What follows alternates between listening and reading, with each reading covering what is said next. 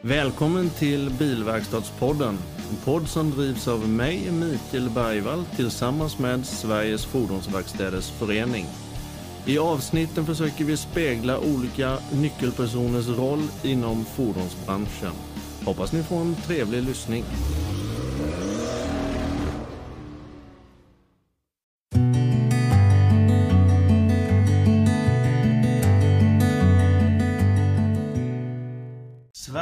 Fordonsverkstäders Förening. Oavsett om du är bilverkstad, däckverkstad, skadeverkstad, lackverkstad, fordonshandlare eller kanske jobbar med bussar eller lastbilar så kan du bli medlem hos oss på Sveriges Fordonsverkstäders Förening. Hos oss vet du att du alltid kommer att få 100% support och stöd med dina frågor gällande just din bransch. Hos oss vet du att ett enda samtal till vår juridiska expertis kan finansiera hela årets medlemsavgift. Hos oss kan du vara trygg med att vi alltid lägger 100% engagemang i att få din vardag enklare och mera lönsam. Välkommen till oss på Sveriges Fordonsverkstäders Förening.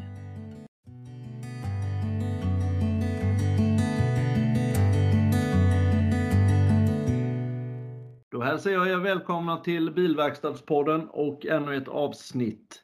I det här avsnittet så ska vi prata med en herre som heter Andreas Forslund som bor uppe i Nora. Hej och välkommen Andreas! Tack, tack Mikael! Stor ära att få vara här. Ja, det låter jättebra det. Hur kommer det sig att man hamnar i Nora till att börja med? Jag skulle säga att det är så många andra som hamnar på konstiga ställen att det, det är ju ofta kärleken som drar en till konstiga platser. Ja. Det är väl inget ställe jag skulle hamnat på om det inte var för det tror jag. Nej. Eh, vem är du då? Vem är Andreas Forslund? Hur ser livet ut för dig? Privat kan vi börja med.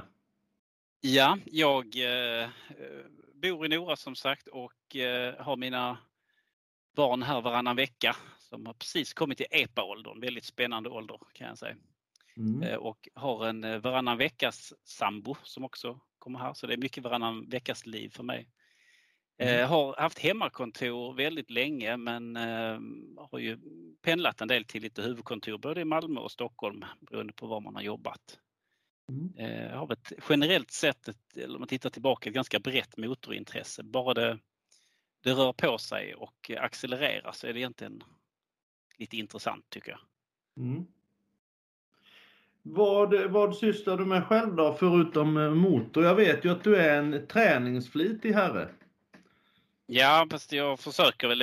Alltså, eftersom jag har en bakgrund inom försvaret där man hade ganska mycket, eller ganska stort fokus på fysisk träning där man fick ta tre, tre timmar i veckan till det så har väl sett att det är en, en god vana som ger mycket andra liksom, goda effekter, inte minst för hjärnan. Så att ja. jag försöker hålla igång med löpning framförallt. För det är väl är väl det jag har fastnat för lite grann. Det är enkelt och eh, man kan göra det precis när man vill oavsett väder. kräver inte så mycket utrustning. Så att Nej, långlöpning, gärna lite ja, längre distanser. Då. Jag vet när vi träffades sist upp i Stockholm på huvudkontoret SFVF där så har jag för mig att vi pratade lite Stockholm Marathon och sånt för det har du väl gjort genomlidet som jag säger? ja, nej, jag har kört lite mindre lopp. Jag vet, eh, Stockholm mm. halvmara har jag väl gjort någon gång men annars har jag kört eh, lite mindre maraton och halvmaraton. Eh, mm. Stockholm är ett väldigt stort maraton även internationellt sett. Men jag har varit i Rom och sprungit tre gånger maratonet där. Väldigt trevligt arrangemang. Ja, ja. Jag vet ju att du också är väldigt intresserad av mat. Har det någonting med att göra att du just var valde Italien för de här loppen? Att du även får utveckla matkunnan och intresset där? Ja, jag, jag, jag är ganska jag har inte så stora fina erfarenheter av maten i Rom just. Jag lyckas nog välja fel restauranger där tror jag. Men generellt så är det ett matintresse men eh, eh, det är inte sådär någon speciell eh, att det är italienskt utan jag gillar fusionmat där man blandar liksom influenser och kulturer ganska mycket. Lagar ganska mycket själv. Mm, mm. Då går vi lite till dig själv när det gäller ditt jobb och ditt yrke och det vi ska prata om nu. Hur ser Andreas Forslunds karriär ut? Var började alltihopa? Uh, ja, det börjar faktiskt med... Vi ska börja med utbildningar.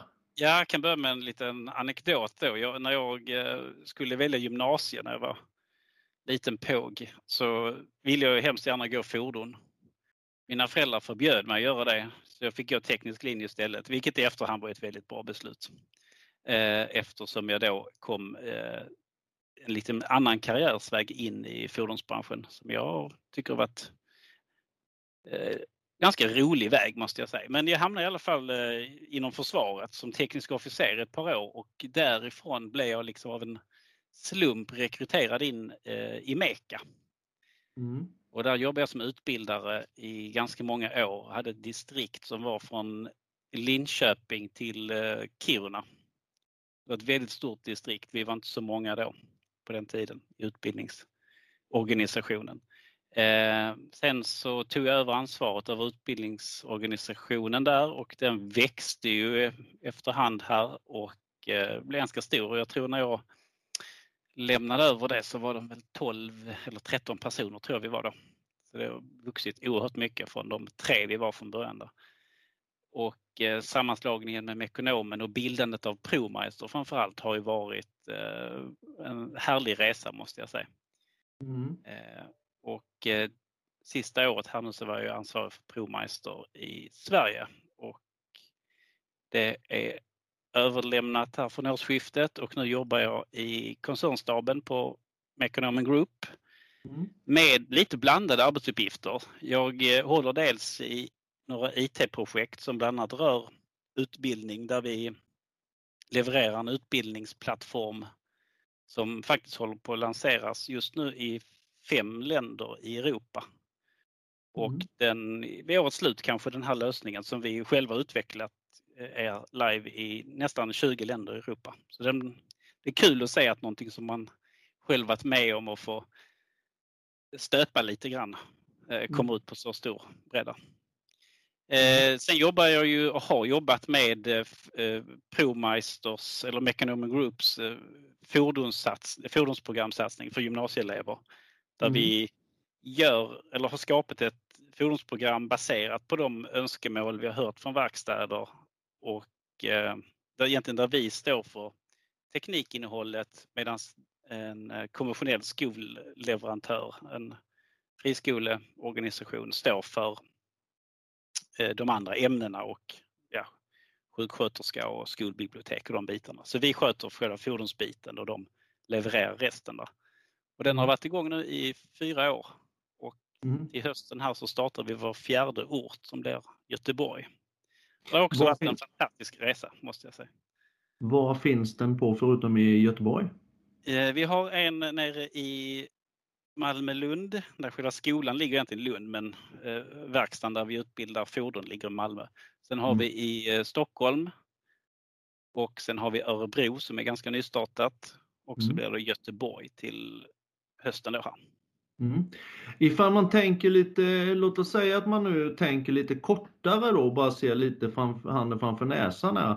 Är det bara elever liksom som sedan kommer att fasas ut till Mekonomen Groups bilverkstäder, alltså det vill säga Meka, Mekonomen, Mekopartner, Speedy eller de här eleverna, har de fritt val att välja kedjor och, och tillhörigheter själva sen? Ja, vi, vi äger ju inte dem på något sätt egentligen. Vi, vi försöker ju att eh, marknadsföra kanske så att vi gärna får behålla så många som möjligt men där, där vi ser ju att många kommer ut på andra ställen också. Eh, till deras stora glädje. Vi har ju haft eh, eh, de stora märkesaktörerna sväljer ganska mycket mekaniker och då har vi sett att de har kommit dit också. Så att, mm. Men vi gör det här, det är ett initiativ egentligen som är gjort liksom för att åtgärda den mekanikerbrist vi har sett och det känns lite futtigt när man vet att det saknas 5-6 tusen inom de närmsta åren och vi, vi får ut 20, i bästa fall 20 per ort så känns det som man, man, man bidrar på något sätt i alla fall. Och framförallt så, ja, framförallt så tror jag nog att eh, alltså det är skillnad eh, på en gymnasieutbildning där branschen själv står liksom för, för det tekniska de ska lära sig. Jag tror ju att, att det blir eh, bättre än om det är en ren skolverksamhet. Mm, mm. Ja, det är klart man vet ju var fokus bör läggas. Så är det ju. Så kan man säga. Ja, precis, precis. Hur har ni det med då på, nu pratar jag ju ProMeister, även att jag vet att du har bytt roll då, men hur har ni det när det gäller just praktikplatser och eh, enkelheten och samarbeten med verkstäder runt omkring skolorna och i övriga Sverige? Är det svårt att få tag på praktikplatser och hur, hur är verkstäderna i behandlingen utav praktikanterna? Vi, vi ska inte säga att det är svårt att få praktikplatser. Däremot kan vi väl uppleva att det kan vara svårt att få tag i riktigt bra praktikplatser. Att vi, vi skulle helst vilja liksom att vi vet ju att vi, vi behåller eleverna hela första året. De är inte ute på någon praktik före det. Så vi vet att de, de verkligen kan göra vissa saker. Det var också ett, ett krav vi fick från branschen. Så att de vi skickar ut, vi vet ju att de, de har gjort många jobb, de kan väldigt mycket och vi skulle gärna vilja liksom att när de kommer till den här verkstaden så upplever de liksom att eh, här skulle jag vilja jobba. Det här mm. var en arbetsplats som jag tycker känns attraktiv för mig. Mm. När de kommer tillbaka då sen till oss så skulle man vilja höra det att liksom vilken positiv upplevelse de har fått. Och tyvärr så, så det finns givetvis många bra verkstäder som tar emot de här eleverna på ett väldigt bra sätt men vi har en liten utmaning där att det, det ibland eh, så, så, blir de inte mottagna på bästa sätt. Liksom. Man kanske inte ja, folk kanske inte hälsar på dem eller de får inte ta del av vissa saker. Man vill ju gärna att de här ska få vara en del av, av gänget, en gemenskap på den här platsen de, de kommer till. Liksom. Och få ett mm. förtroende för de här eleverna kan ju verkligen leverera. Mm. Mm. Men man behöver ge dem chansen och möjligheten. Så därför tror jag liksom att eh, vi hade underlättat eh, rekryteringen till branschen om just kan man säga, de befintliga verksamheter som finns där ute hade varit bättre på liksom att verkligen kanske sälja in sin arbetsplats till de här. Att här gör vi så här och vi beter oss på det här sättet och vi mm. har kul när vi jobbar liksom och så här. Mm.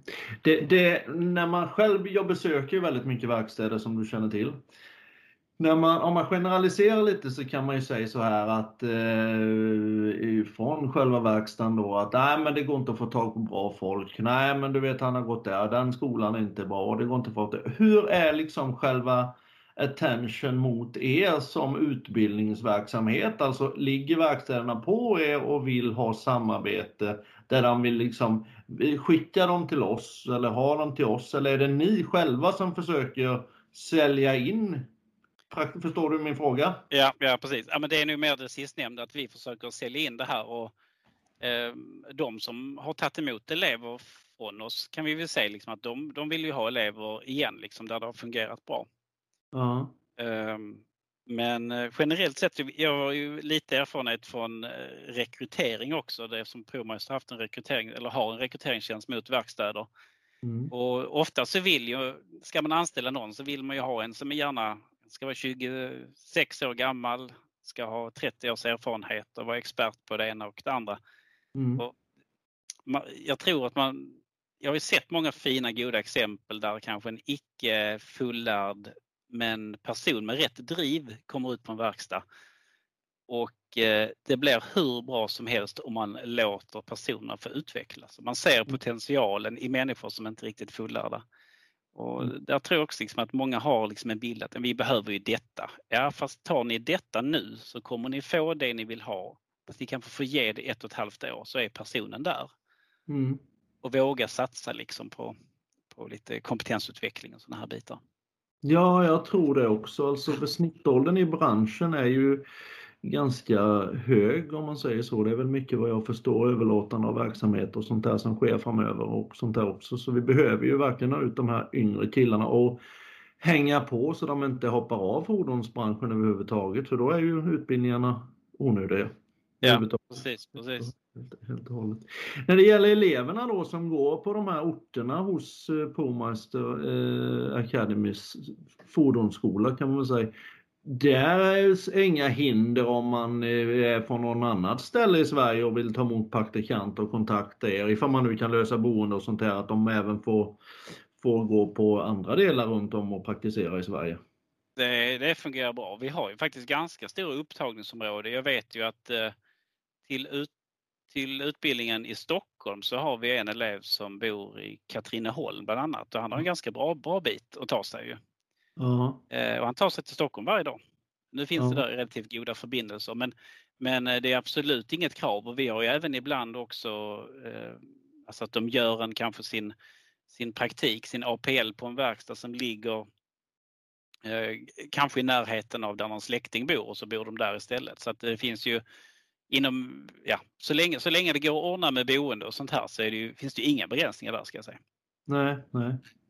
Eh, vi kan förtydliga lite då vad ProMeister är för de som inte känner till det. ProMeister är ju en organisation med lite olika ben i sig, så kan man väl säga, som ägs av Economic Group. Är det inte så? Rätt ja, precis. Eh, det är ju i huvudsak en, en tjänsteleverantör inom eh, Mekonomen Group som levererar tjänster till eh, egentligen vem som helst på marknaden. Och ja. vi har ju haft eh, ganska mycket kunder till ProMeister genom åren, även långt utanför vår egen koncern. Eh, mm. och ja, tjänsterna består ju av teknisk support, utbildning, eh, kundservicetjänster, alltså kundmottagare på distans, mm. affärssystem, rekrytering och, och så vidare. Så det är en tjänsteleverantör kan man säga. Mm. Uh, om vi då gräver lite djupare i just dig. Du är ju inte på ProMeister längre nu Andreas och jag vet inte, hur, hur förklarar du din roll bäst nu i Mekonomen Group? Du jobbar ju mer huvudkontorsmässigt nu va? Ja precis, det är ju, det är ju koncernstaben där jag stöder men min tjänst är ju lite delad så jag jobbar fortfarande ungefär 25% mot eh, ProMeisters gymnasiesatsning där vi även nu har en eh, en yrkeshögskola eh, kring diagnostekniker som också är en sån här utbildning faktiskt som, som vi har sett liksom branschen.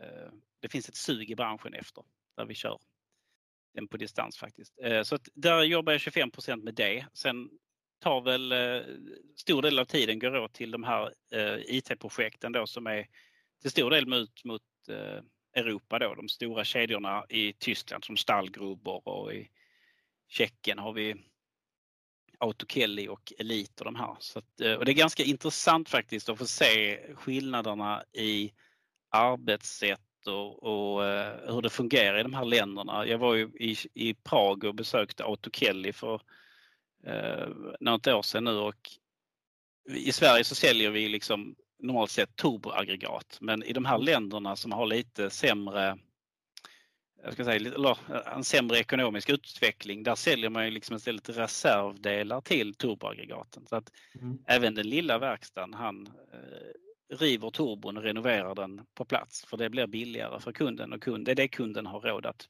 betala.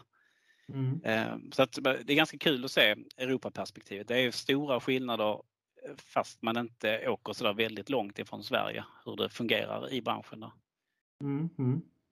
Då jobbar du alltså 25% med stöttningen där och sen övriga 75% mer åt eh, Mekonomen Group med utvecklingsfaser och utvecklingsbitar. Och eh, om vi då försöker utveckla det lite mer, alltså när det gäller just IT-biten. Jag vet ju att du är fruktansvärt kunnig inom just IT-biten. Ni hade ju eh, lite skymmer i förra våren var det väl va? Med, med just IT-system och de här bitarna med intrång och lite sånt här. Jobbar man kontinuerligt med att säkra sånt eller är inte det din bit överhuvudtaget att jobba med de sakerna? Eh, nej, den ligger ju helt inom it -avdelningen. Jag jobbar ju mer med ska man säga, affärsutvecklingsbiten av det kan man väl säga. Ja. Men eh, det har ju eh, varit ett gediget eh, säkerhetsarbete sedan det där hände och eh, ja. miljöerna är ju helt uppsäkrade nu. Ja, eh, ja. Lite nya rutiner som kanske man kan tycka är lite obekväma i början men man vänjer sig ganska fort. Ja, men jo men det förstår jag. Det förstår jag. Hur länge har du suttit i positionen som du sitter nu sa du? Det är sedan årsskiftet så det är mm. förhållandevis nytt. Sen har jag ja. gjort vissa av de här bitarna sedan tidigare också så att eh, eh mycket av det är eh, förhållandevis likt. Jag skötte de här projekten eh, delvis innan också. Då. Mm. Eh, min åsikt är det alltid att det som inte utvecklas det avvecklas i regel och då är det ju som så här, jag förstår ju, vad är eran vision liksom, eller din vision med din roll, din tanke kring fordonsbranschen och vad kan göras bättre inom just det området som du agerar? Komplex fråga. Ja, det är en väldigt stor fråga och komplex fråga. Och, mm. Rent spontant, det som ligger mig varmt om hjärtat är ju eh, själva yrkesrollen som sådan ehm, kopplat till den utveckling vi ser i fordonsbranschen. Och eh, där ser vi bland annat att det är andra typer av fordon med eldrift, hybrider och eh, vi ser kanske att ägandet av bilarna håller på att förändras lite grann till att man, man leasar bil eller nyttjar biltjänst på annat sätt. Ehm, och kopplat till det här så tror jag liksom att själva fordonstekniker eller mekanikerrollen kommer ju förändras också i samband med det här. Att den, de kunskaperna som man kanske en generell, tittar slumpmässigt valt människa ute på stan tror att en bilmekaniker Eh, ser ut eller vad den kan och vad den gör så har man nog ganska mycket förutfattade meningar. Jag tror att det är branschens egen uppgift liksom, att förändra lite grann bilden av, av, eh, av det. Mm. det här, jag brukar göra jämförelsen ibland med en vanlig, eh, en vanlig dator som de flesta tycker är det krävs en riktig tekniker för att laga en dator. Mm. Och en dator innehåller ett antal komponenter, inte allt för många. Det är ett moderkort och lite andra kort som sitter på lite minnen och diskar och lite hårdvara runt, runt omkring. Och respektive del är förhållandevis billig. Jämför man det här med en bil där vi har, eh, ja, man tar en modern dieselbil till exempel, där vi har otroligt eh, mycket fler komponenter. De hänger ihop på sätt som inte alltid är elektriskt. Det kan vara via tryck, det kan vara via ja, eh, vakuumledningar och avgasmottryck som styr EGR-ventiler och allt möjligt. Att det finns otroligt mycket mer liksom variabler jämfört med i en dator. Mm. Ehm, och respektive del kan kosta mer än en dator. Liksom. Så att, att den, den uh, yrkesskicklighet som krävs liksom, för att reparera en bil är, tror jag, generellt sett underskattad. Liksom. Mm. Och får man en annan syn på, på det här yrket så tror jag det kommer att liksom göra väldigt mycket gott för branschen också. Mm. Ehm, det är väl en del, men sen, sen tror jag, om man tittar nu på, på omställningarna vi ser som är tydliga trender så, så är de ju till stor del utlämnade till våra politiker. Skulle de gå in och göra samma, ta samma beslut som de gjort i Norge så kommer vi få se en, en ganska så snabb övergång av hur vår fordonsflotta ser ut och vilka jobb vi kommer att se på verkstäderna. Och här gäller det ju precis som du säger att hänga med. Mm. Och eh, det innebär väl för verkstaden i huvudsak två saker. Dels så ska man kunna de här grejerna vad gäller kompetensbitarna. Det gäller också att vara beredd att, att liksom investera i de grejer som, som man behöver för att kunna laga de här bilarna. En sak som man har sett i branschen det är ju bland annat, tittar vi nu på de här eh, förarstödssystemen som finns idag med radar och kamerabitar så det är relativt få fortfarande eh, av de fria verkstäderna som har köpt eh, kalibreringsutrustningar för att kunna kalibrera de här systemen. Och det är någonting som man bara kan inse att det, det kommer man ju behöva. Alltså plockar man ner vissa detaljer på bilen så behöver man kalibrera det här. Mm. På samma sätt som vi behövde en felkodsläsare 1982, liksom, när det började komma där. Mm. Eh, och det gäller liksom att hänga med och inte vara rädd att eh, hänga med och förstå vilken investering kommer jag nytta av i framtiden? Vilken investering kan jag bygga vidare på? Liksom köpa sig en plattform som, som gör att man kan ta nästa bilar. Och sen tror jag liksom att det här med partnerskap, det blir viktigare. För en partner eller en, en kedjekoncept eller någonting, de eh, ser också till liksom att, att hänga med i den här branschen för det ligger i deras egna intresse liksom att, eh, att att överleva i framtiden. Jag tror man kan få väldigt mycket hjälp där ju. Så att, och då, då hamnar man ju igen lite grann på, på kunskap och utbildning. Och den är ju oerhört viktig. Mm. Den kan man få kunskap, ja, sen, en liten grej där, det är att kunskap kan man få på väldigt många olika sätt och där har vi också sett en väldigt stor förändring i åren här med internet. Man kan googla sig fram till mycket. Man har verkstadschefer som berättar om när kunderna kommer med utskrifter från internet, vad deras fel på deras bil är. Mm. Och det är också någonting man får förhålla sig till och eh, det, det får man nog acceptera att vi kommer behöva nätet och informationskällor på nätet på ett eh, mycket större sätt än vad vi har behövt tidigare. Mm. Mm. Om man säger intresset generellt för att skruva bil och bli bilmekaniker. Jag tänker till de utbildningarna som ProMeister har. Är det många sö Det är 20 utbildningsplatser per år, va? Per termin? Eh, ja. per ställen? Nej, eller nu... Hur menar du med platser? Alltså, Alltså man har, det, ni har 20 platser, nya platser för varje år på gymnasiet att söka ja, till? ja, gym, gymnasiet, ja precis. Okej, okay. Ja, jag, ja. jag trodde du pratade om de andra. Tittar vi på Provmästare Fordon, vårt gymnasium, så är där eh, eh, lite olika beroende på ort. Men i Stockholm har vi 20 platser och Mm. i Malmö-Lund har vi 20 platser. I Örebro har vi väl 10 till 12 lediga beroende på att det är lite mindre ort. I Göteborg startar vi försiktigt också med en 10 platser. Mm. Men det, det finns ju möjlighet att skala upp de här liksom också. Nej, min, min, min, eh, mitt intresse bakom den här frågan är egentligen hur många är det som söker till utbildningarna? Är det många som söker till dem? Eh, Det varierar väldigt mycket beroende på ort också. Tittar vi på Stockholm så har vi ju slagit nästan rekord där med antal sökande. Där har vi ett enormt söktryck.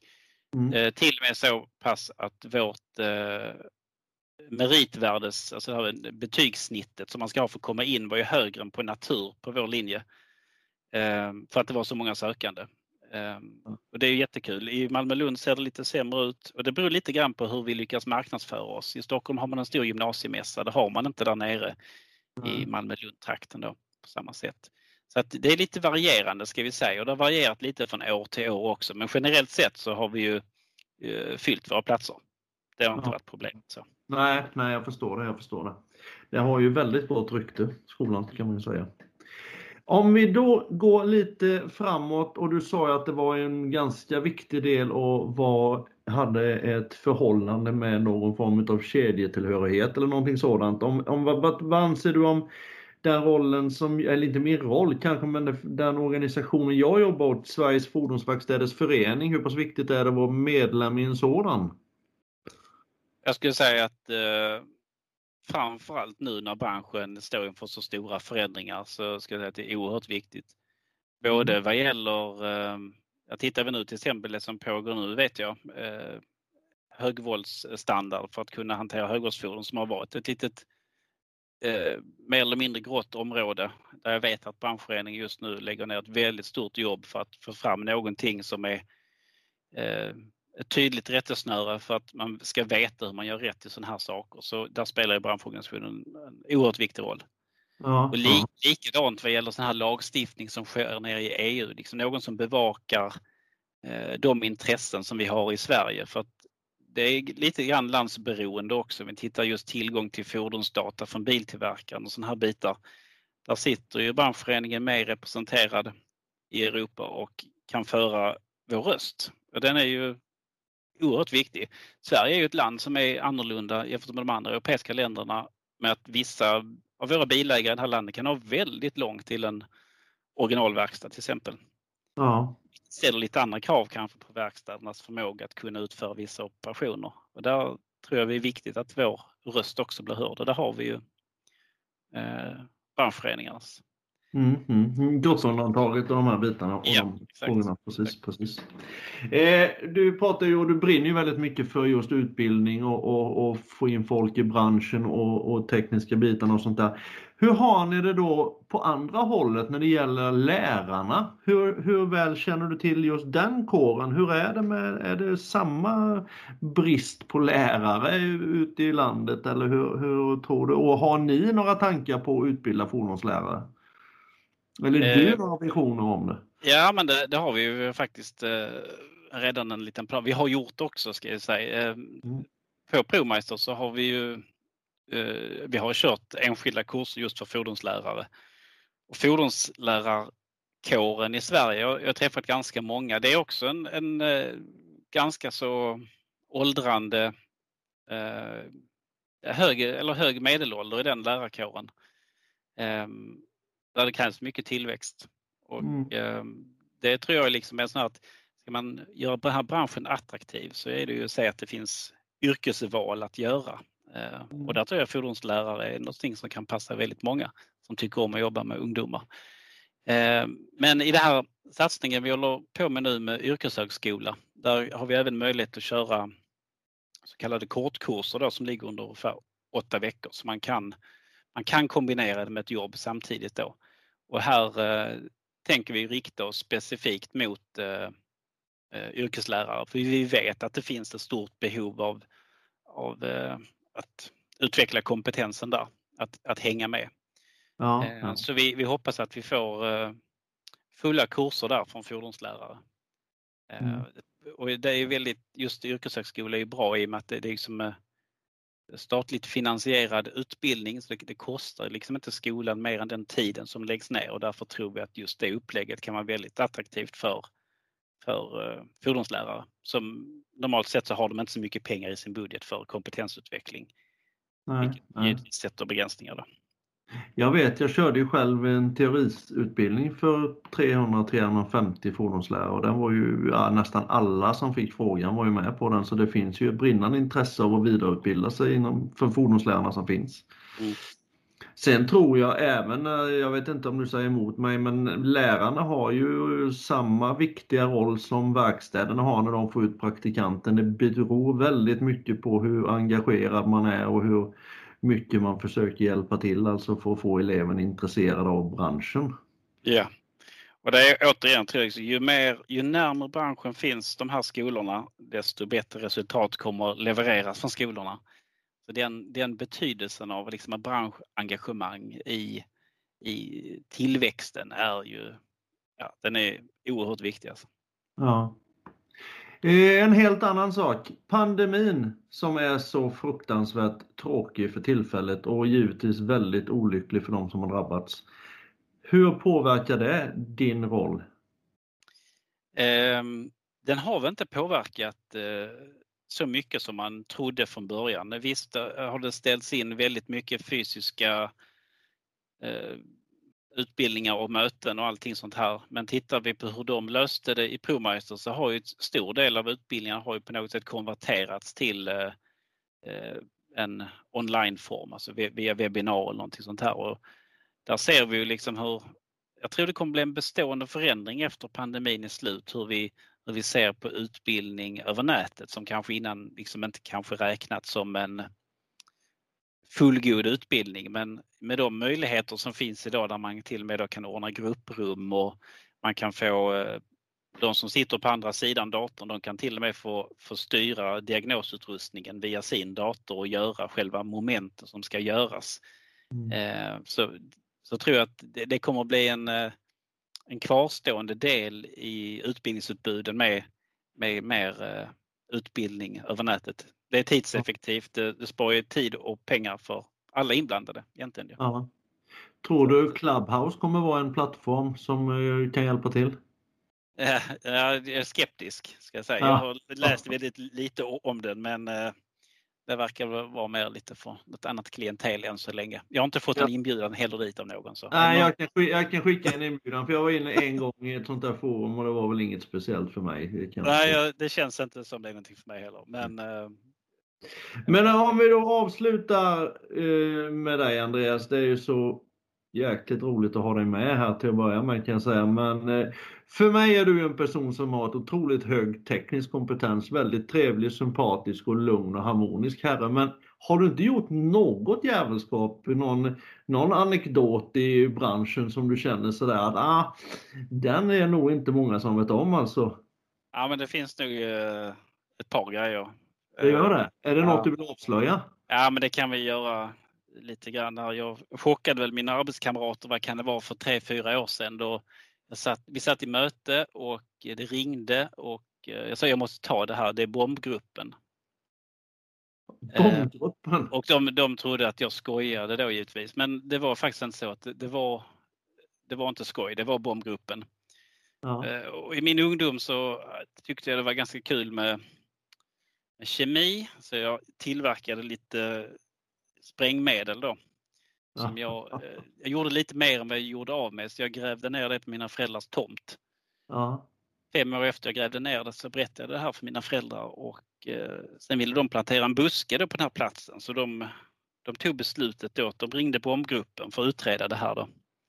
Så de ville prata med mig om vad det var jag hade grävt ner men det var, faran var över, det var destruerat av eh, naturens gång så det var absolut, det blev ingen åtgärd utav det. Men det var en liten rolig grej man hittade på. Ja det var det verkligen. Ja. Men du har ju faktiskt eh, en lite andra karriär att välja på ifall det skulle skita sig någon gång framöver med Economic Group, men vilket det absolut inte kommer att göra. Men du har ju andra karriärer du skulle kunna borra in på. Japp, bomber kan jag. Ja, det är jättebra. Du Andreas, jättestort tack för att du ville vara med. Ja, det var jättekul. Då får vi hoppas att vi hörs framöver. Ja, ha det så bra.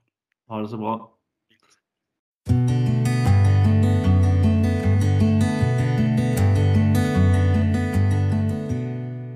Sveriges Fordonsverkstäders Förening. Oavsett om du är bilverkstad, däckverkstad, skadeverkstad, lackverkstad, fordonshandlare eller kanske jobbar med bussar eller lastbilar så kan du bli medlem hos oss på Sveriges Fordonsverkstäders Förening. Hos oss vet du att du alltid kommer att få 100% support och stöd med dina frågor gällande just din bransch. Hos oss vet du att ett enda samtal till vår juridiska expertis kan finansiera hela årets medlemsavgift. Hos oss kan du vara trygg med att vi alltid lägger 100% engagemang i att få din vardag enklare och mer lönsam. Välkommen till oss på Sveriges Fordonsverkstäders Förening.